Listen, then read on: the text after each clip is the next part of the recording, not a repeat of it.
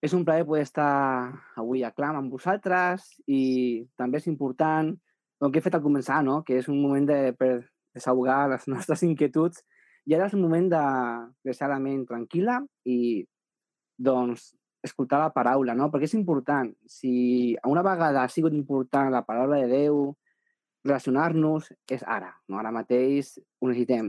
I he posat per títol Caminem justament al començar, els que estaven al començament parlaven de caminar, no? d'anar amb bici, d'agafar camins i de les pàjares que es donen, no? I és important caminar.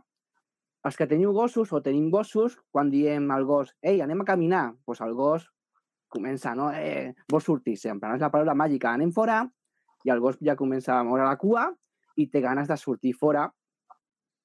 Però la gran pregunta és, quan caminem, és cap a on anem i quan, no? Quan ho podem fer?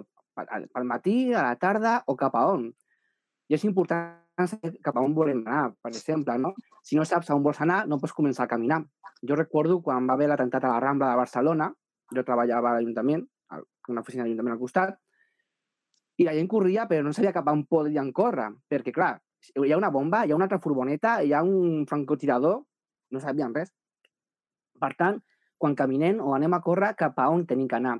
I a vegades vivim que no sabem cap a on volem anar. No sé, hi ha coses, passen coses a la vida que et deixen aturat, que et paralitzen i no saps cap a on has d'anar, no? I això és, és important, saber on volem anar. També hi ha camins i camins. No és el mateix caminar pel passeig marítim, que abans comentava Raquel, o caminar des de Vacarisses cap a Terrassa, no? que hi ha una pujada molt, molt profunda, o caminar per la Pica d'Estats. No sé si algú ha a la Pica d'Estats, doncs és una muntanya molt mentirosa, perquè sembla que has arribat a la cima i no, hi ha, una, hi ha més. Comences, hi ha més i després hi ha una altra, una altra i mai arribes a la cima. O caminar a la Mola, Sant Llorenç damunt, damunt no sé, també és molt a prop de nostra, no? És complicat també, perquè al començament és molt suau, però ja després la cosa es complica. I si parlem, per exemple, de Montserrat, què podem dir de Montserrat? D'aquestes parets que tenen, no? Arribes, jo recordo una vegada, anàvem un grup de joves caminant es feia de nit i van dir, mira, doncs baixem camí recte. Hòstia, doncs era, era volar, no? Per tant, hi ha camins i camins i no tots són igual. Llavors, el que jo volia arribar és com escollir un camí, no? Escollir un camí té conseqüències. Si jo agafo un camí, he de decidir abandonar altres camins. Això passa quan caminem i passa a la vida, no? El que jo agafo és renúncia d'altres camins. Si jo agafo una carrera, renuncio a una altra carrera. Si jo decideixo estar a la meva parella amb la Franci, pues he de renunciar a les altres dones, evidentment, no? Si jo... És dir, que cada vegada que tu escolleixes unes coses, és una renúncia d'altres. I l'important és que si pretenem recórrer tots els camins possibles, pues no anem cap lloc. I això passa moltes vegades a la vida. No sabem on estem. Sí, sí, jo sóc d'aquí i sóc d'allà. No, a mi m'agrada aquest i això. Mm, ha estat molt de moda on tot és neutral, la religió és molt neutral. No, no, sí, jo sóc cristià, però mira, oye, fer meditació budista no és tan dolent perquè té conseqüències molt bones. Mm, eh, no. Tenim que aprendre que si agafem un camí, estem en aquest camí. No podem agafar cap a la dreta i cap a l'esquerra. Si, jo faig cap a la dreta i l'esquerra, seré com el bandan aquest que agafa les cames i no? i es trenca tot el, tot el cos, perquè, mare meva, és, això és impossible, no? Caminar tot arreu. I vull parlar d'un camí, que és un camí que està a la Bíblia, i el trobem a l'Evangeli, a Lluc 24, 13 al 35. Per tant, si algú no sap català i té una Bíblia al seu idioma, ara us convido que agafeu la Bíblia al vostre idioma i busquemos Lucas 24, 13 i jo faré, tinc la meva traducció pròpia, és una traducció lliure al català, vull dir que si algú té la catalana segurament no coincidirà tot la traducció perquè és una traducció pròpia directa d'original. I és el camí que va de Maús a Jerusalem. Comença així.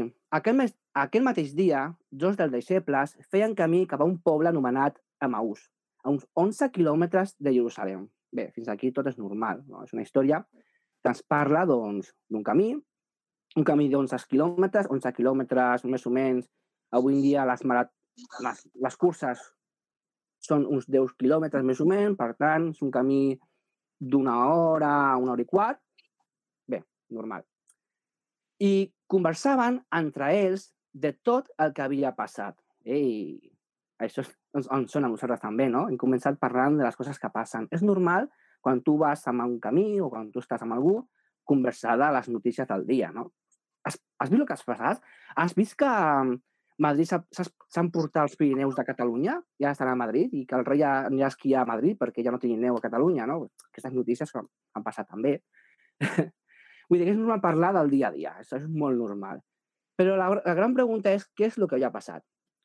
Diu el, el 15 i el 16, va succeir que mentre parlaven i discutíem, Jesús mateix es va acostar i va començar a caminar amb ells. Uau, quina història més interessant. Jo recordo una vegada que vaig fer un camí, és aquest camí, no sé si es veu, el camí de Santiago, ho vas fer fa tres anys, no, quatre ja, ja és que, és que em falta un any de la vida, quatre anys, i va ser una experiència molt maca quan estàs caminant i s'apropa algú que no coneix de res i comença a parlar i, i, i parla de la seva vida, però sense problemes, eh? I tu estàs dient, bueno, jo vull caminar, vull estar tranquil, vull reflexionar, vull gaudir de passatge, però tinc una persona que m'està parlant de coses que no m'interessen, però faré com que sí que m'interessen. Però al final s'agraeix, perquè a vegades quan et pots cansar i la companyia és bona, tenim que estar sempre acompanyat. I aquí és interessant perquè és Jesús mateix el que s'acosta, és Jesús el que ve al seu contra, és Jesús el que ve a buscar-los, ells estan caminant pensant en les seves en el seu patiment, en les seves notícies, en el que ha passat, en què no entenen res, i Jesús s'acosta, però passa una cosa, però no ho van reconèixer ja que els seus ulls estaven incapaços. M'agrada molt aquesta paraula. La traducció castellana diu una altra traducció, a mi m'agrada aquesta paraula. Tenien els ulls incapaços. Vull dir que els, els ulls no tenen la capacitat de veure la realitat. Pausa. Jo no sé quin moment estem vivint a nivell personal, a la nostra llar, a la nostra feina, a la nostra família, però a vegades has viscut un moment en què els teus ulls no són capaços ja de veure més i dir, prou, és que ja no sé què més, ja no puc veure més, que ja lo següent que serà. I aquí està la situació que estan vivint aquests deixebles. Aquestes persones del segle I estan vivint una situació que és increïble. El que va passar és que el seu mestre, Jesús, que és molt més que una vacuna, Jesús era l'esperança, era el Messias, era el que iba, donava la llibertat a Israel, la llibertat de culte, la llibertat nacional, la llibertat d'expressió, la llibertat de poder decidir.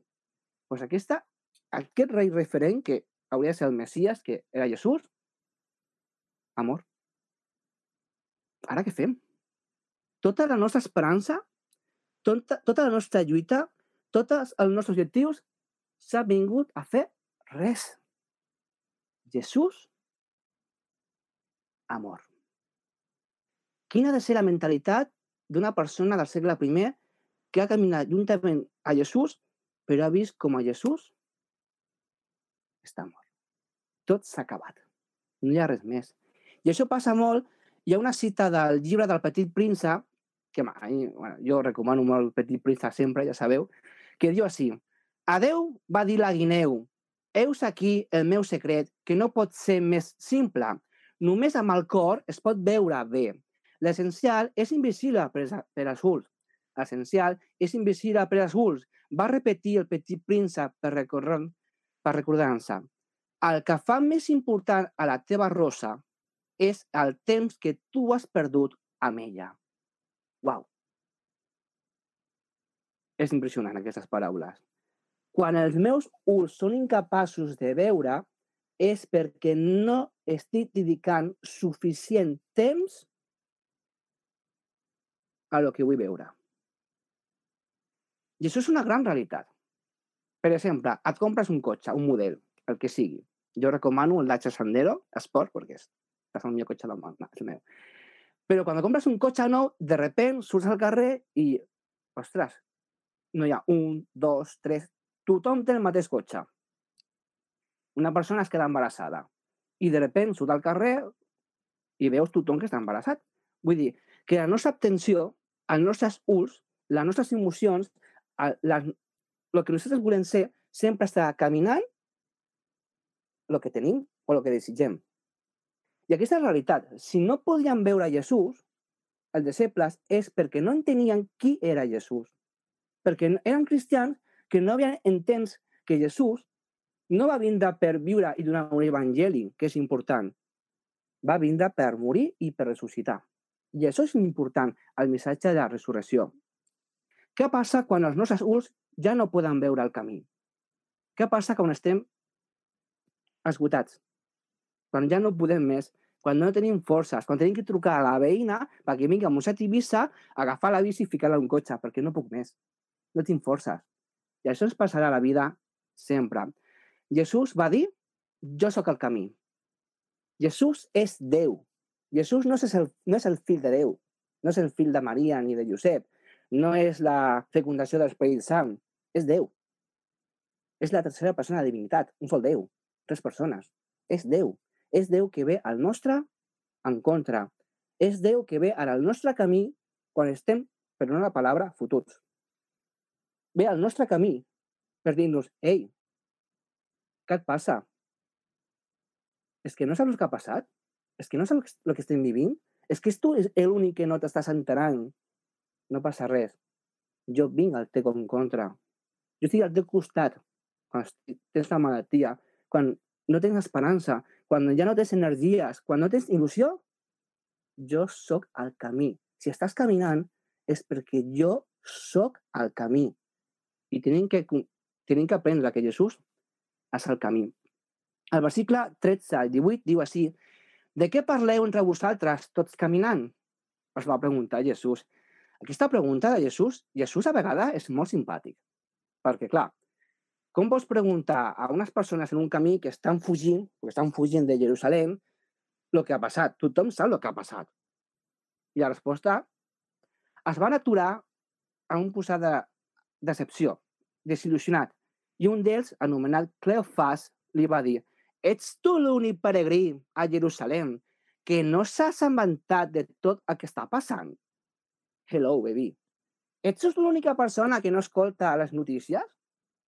I no saps que estem vivint una pandèmia mundial, una crisi econòmica brutal?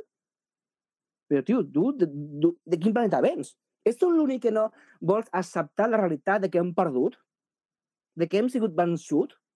De que ja no hi ha esperança? És tu l'únic? És aquest, aquest foraster. Què és el que ha passat? I li pregunta a Jesús. No? I encara Jesús ve més... Va, va més, vale. Jesús el que volia és que obrissin el seu cor. En Jesús tenim que ser sincers i no tenim que jugar, estem superbé, no passa res. A Jesús tenim que dir-li com estem, perquè ell és la solució. Perquè només en ell podem trobar la pau, la tranquil·litat, la confiança i la seguretat que passi el que passi, estem amb el camí que és Jesús. I ell li pregunta, expliqueu-me, expliqueu-me què ha passat. Vull saber quina és la vostra preocupació. M'interessa la teva persona. No és que un amic que pregunta, ei, com estàs? I comences a preguntar com estàs i ja comença amb el mòbil. Tens compte que no vol escoltar. No. Però, en canvi, Jesús pregunta perquè vol escoltar. I aquí el deixeble comença a parlar.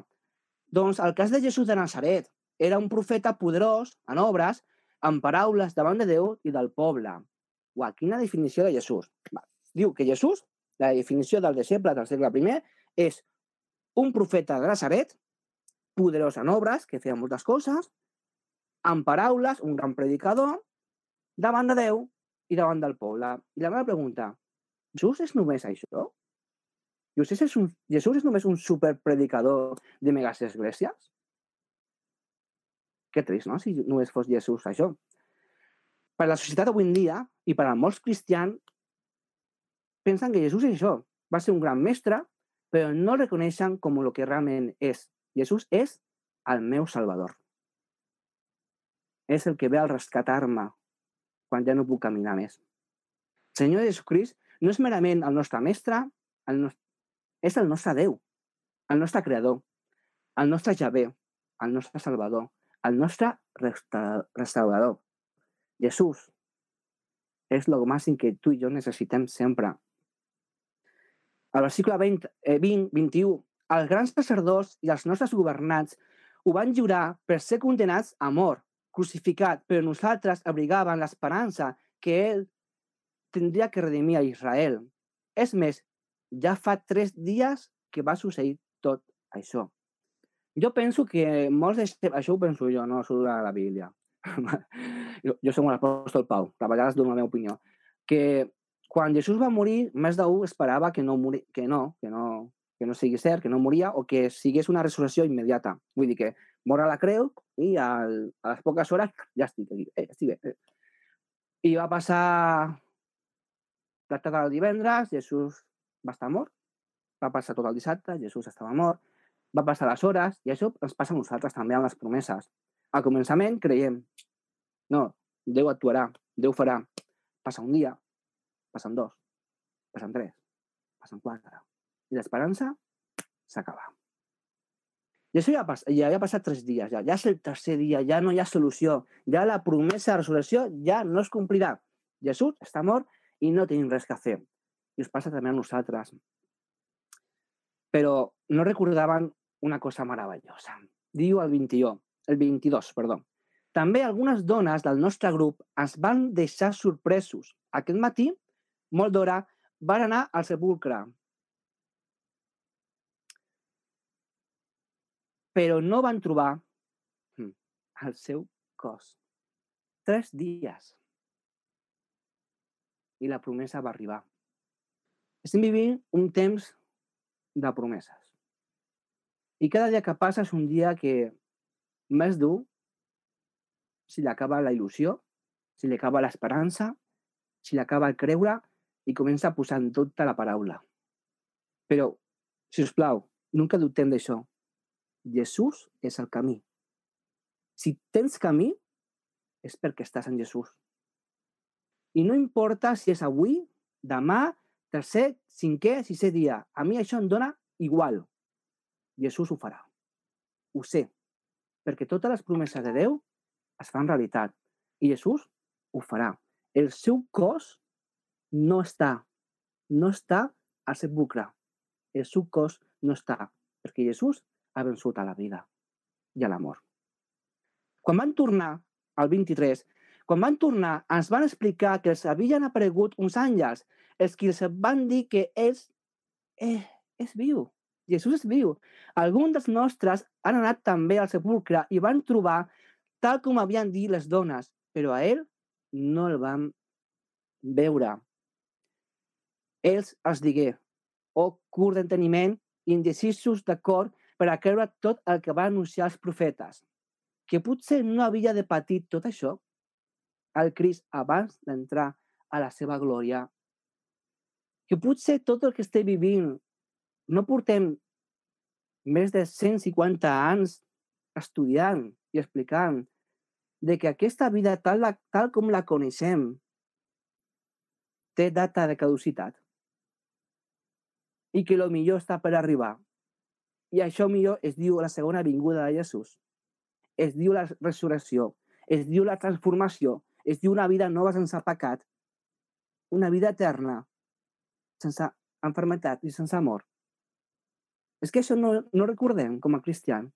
És que estem escoltant el camí i necessitem que vingui Jesús un altre cop i t'aixequi i te digui, ei, confia a la promesa.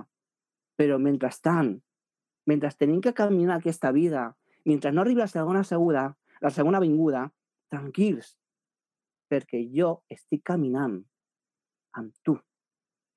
No estem sols. No estem sols. Jesús ve al nostre encontre i diu això, tot això ha de passar abans d'entrar a la glòria. Llavors, començant per Moisès, seguíem tots els profetes i van anar interpretant profetes per profetes, es va referir el que diu tota l'escriptura sobre Jesús, sobre el Messias i les promeses. La nostra salvació depèn únicament de Crist, la seva mort a la creu i la, i la seva resurrecció. Tota la paraula, la Bíblia, ens parla d'aquesta trobada íntima i personal. Necessitem tindre una experiència personal a la paraula de Déu. Està molt bé les predicacions, estan molt bé les, els, podcasts, estan molt bé les gravacions, estan molt bé els canals de televisió, la ràdio, el Spotify. Això és meravellós, està molt bé que els trobem, però necessitem un temps íntim i personal amb Déu. Perquè aquest és el nostre aliment. Més que mai necessitem intimar amb Jesús. És anar a Jesús despullat d'ànima i d'esperit i dir-li, mestre, no puc més. Ara, fes-lo tu. Jo no puc més. I necessitem acudir a Jesús i dir-li, Senyor, et necessito. A l'acostar-se al poble on anaven, versícle 28, es va fer com seguir el camí i anava més lluny. Jesús està caminant, l'explica tota aquesta història meravellosa.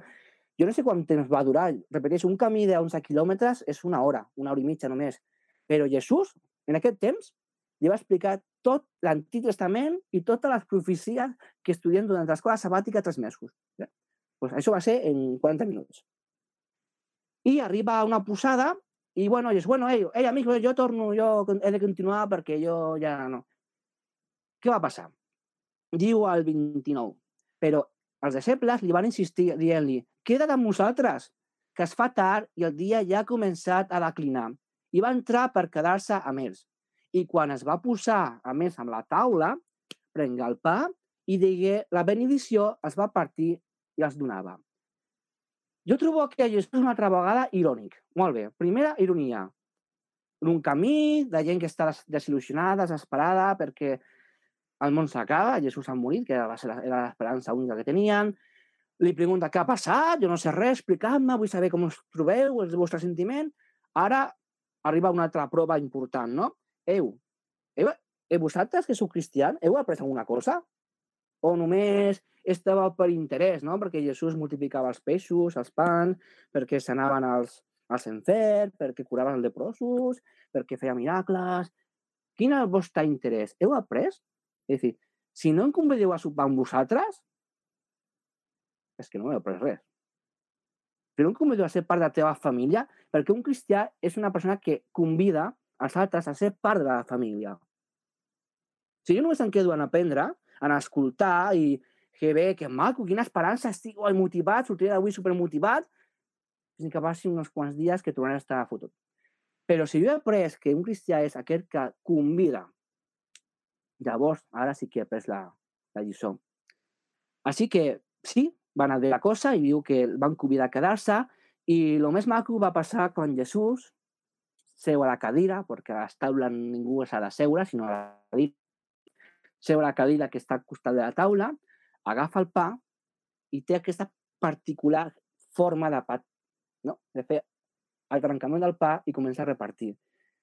I va passar, no? Jo, llavors, llavors, diu el 2031, llavors se'ls obrien els ulls i els van reconèixer, però ell, Jesús, va desaparèixer. Mare meva, un altre cop igual.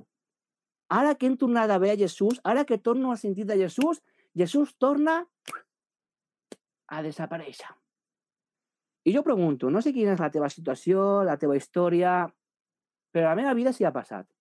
Moltes vegades he sentit a Jesús, uau, menjo el món, Jesús lo màxim, i de repent s'ha esfumat no sento Jesús. Torno com abans, o pitjor, perquè les caigudes sempre són més fortes. I això passa a la vida de cristià. Estem aquí? Estem aquí. Estem a...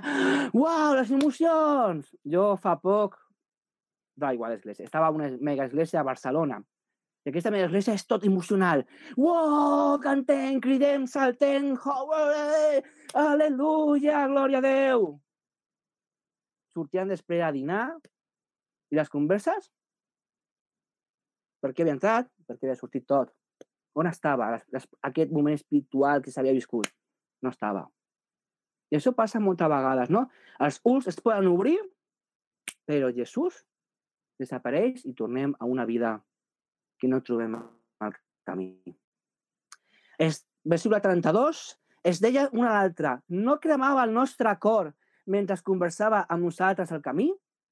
i explicava les escritures, jo, quan llegeixo aquest text, jo dic, jo vull vull tornar a viure aquest cristianisme. Jo vull ser un cristià que quan obre la paraula de Déu, quan dedica el temps a la pregària, a l'oració, quan dedica el temps a l'estudi de la Bíblia, que el meu cor estigui al màxim. Jo vull gaudir de cada vegada que obri la, la paraula, d'obrir la Bíblia. Si jo no gaudeixo, és que alguna cosa està malament a la meva vida. Hi ha coses que no estan bé. Jo quan... Es... No, és que diu, és dir, una altra, no cremava el nostre cor mentre conversàvem nosaltres. Vull dir, jo vull tornar a viure aquesta experiència. I aquest és el meu desig per a vosaltres, no? Que podem deixar totes les nostres preocupacions, totes les nostres angoixes, que les tenim, que és normal, que és, és, és global, és mundial, però que amb Jesús, passi el que passi, estiguis on estiguis, et puguis sentir segur, i molt segur. A l'instant, diu el text del 33-34, a l'instant es van posar en camí i van tornar a Jerusalem. Uau, increïble. La història comença d'un grup de persones que estan fugint de Jerusalem perquè han perdut, perquè han sigut derrotats, perquè el seu mestre ha sigut aniquilat, tant clar. No volen saber res de Jerusalem, volen fotre el camp, volen sortir fora, és penós. I ara són capaços de tornar a Jerusalem, perquè ara tenen força, perquè ara saben en qui tenen que creure, perquè ara saben qui són, ara tenen una identitat. Aquesta identitat que ha sigut perduda, aquesta identitat que ha sigut perduda per les circumstàncies de la vida, l'han recuperat amb moltes més forces i tornen a Jerusalem, ja no són en una hora i mitja, tornaran en 40 minuts perquè van corrent, van saltant, van flipant, van cridant, perquè ara sí que saben. Els seus ulls han sigut oberts. Oberts i ara és per sempre ja ningú més el podrà tornar a tancar, perquè han viscut l'experiència d'estar a baix i de sortir cap a dalt. I això és important. Caure és humà. Aixecar-se és diví. I encara que puguem caure, cada vegada que t'aixeques, recordes com Déu t'ha aixecat. I no importa les circumstàncies. Jesús està per aixecar-te. No hi ha res que no pugui ser perdonat per l'obra de Crist. Quan es penedim i tornem a ell, no hi ha pecat que no pugui ser cancel·lat per l'obra del Calvari. Jesús ho fa tot per mi. Jo només he d'acceptar-lo. Només he de deixar que ell faci a la meva vida. El padeniment consisteix en un canvi de ment, que resulta un canvi d'actitud cap al pecat, a l'ego, al Salvador i la salvació. I això s'evidencia per un canvi d'acció, en un canvi de sentit en el camí. Estem parlant d'un camí. El camí que va a Jerusalem. D'aquest camí, el camí és un, però té dues direccions. Ara jo, la meva vida, he d'agafar aquest camí també. Però a quina direcció vull anar? Vull anar fugint de Jesús perquè estic cansat del que està passant? O vull canviar el sentit del mateix camí, però canviar el sentit i tornar cap a Jesús i dir-li ei, m'he equivocat la circumstància m'ha fet equivocar. Però ara sé on està la meva mirada. Ara sí que puc veure el camí. El 33-34 diu, allà van trobar els 11 i els que estaven reunits amb ell. És cert, deien, el Senyor ha ressuscitat i se li ha pregut a Pedro Simó. Tots dos, per la seva banda, van explicar el que havia succeït en el camí i com havien reconegut a Jesús quan va partir el pa. Uah, quina història més bona. Perquè passem de la desil·lusió màxima, de la pèrdua màxima, a la major victòria possible. La resurrecció de Jesús és la major victòria. Perquè si la conseqüència del pecat és la mort, la conseqüència de la salvació és la resurrecció de Jesús. I aquest missatge ja portem 2.000 anys parlant de la resurrecció i com a cristians tenim que creure la resurrecció ens parla d'una vida nova, sense pecat, tot renovat. I aquest missatge ha de donar esperança. Moltes vegades nosaltres vivim, estem vius, però vivim com a morts, com un zombi. Perquè estem vivint, però tot el nostre ment, tot el nostre pensament estan enf enfocats, estan foscos per la preocupació. I és humana i és normal, però això ens impedeix avançar. No és que jo volia fer això, però ha passat això. Jo l'altre dia, no? també estava plorant, ho explicava del Franci, però no passa res, ja està allà, jo estic aquí. I ja ens trobarem, quan sigui. Això ho sap Déu. Però encara que estiguem a distància, confiem. Confiem que Déu ens va donar aquesta oportunitat de conèixer. Vull dir, tenim que aprendre a veure més enllà de les circumstàncies. Un clàssic, no? Sempre diuen que per sobre dels núvols està el sol i al final torna a sortir. Per tant, que les circumstàncies que estem vivint no ens facin apartar l'esperança i la confiança en Déu. Que estem al mal camí. Que no faci agafar la direcció contrària al mal camí, sinó que donin la volta i anem cap a Jesús. I aquí està la pregunta que vull fer jo. Quina és la meva història? Quina és la teva història? Per què avui estàs aquí? Per què has decidit connectar-te avui, un dissabte, que millor puc descansar o puc fer un, un vol? Jo penso que avui Jesús us han convidat a, a tots a vindre a mi mateix, a mi el primer, no? quan va estar preparant el tema. Jesús vol, vol parlar i ens vull dir que, que és el que ve al nostre encontre. Estem en el camí tots, que l'hem conegut, però que encara que l'hem conegut i estem cansats, ell ve al nostre encontre, que està caminant amb nosaltres quan estem tristos i disfuncionats i que ens pregunta la realitat de com ens trobem i que tenim que dir-li com ens trobem, però ara el que vol és obrir la ment i els vol dir-li, ei, tranquils, que tot això passarà. Com? No ho sabem, però Jesús sap i passarà. Per tant, jo sempre dic, no? molts llibres poden informar, moltes, molts llibres donen molts missatges bons, però només la Bíblia pot sanar les nostres vides. La Bíblia té la capacitat de donar-nos un sentit i tornar al sentit que és Jesús. Déu, en Jesús, es va aproximar a l'ésser humà. Es va fer el nostre company d'aventures i en el camí de la nostra, de la nostra vida. Per tant, és el missatge que volia compartir, no? Que, no puc, que sempre passem el que passem, sigui qual sigui el moment que estem passant, no estem sols. No estem sols. Estem, estem esgotats, sense forces. Però Jesús ve al teu encontre allà on tu estàs. Que el Senyor beneixi molt. Gràcies.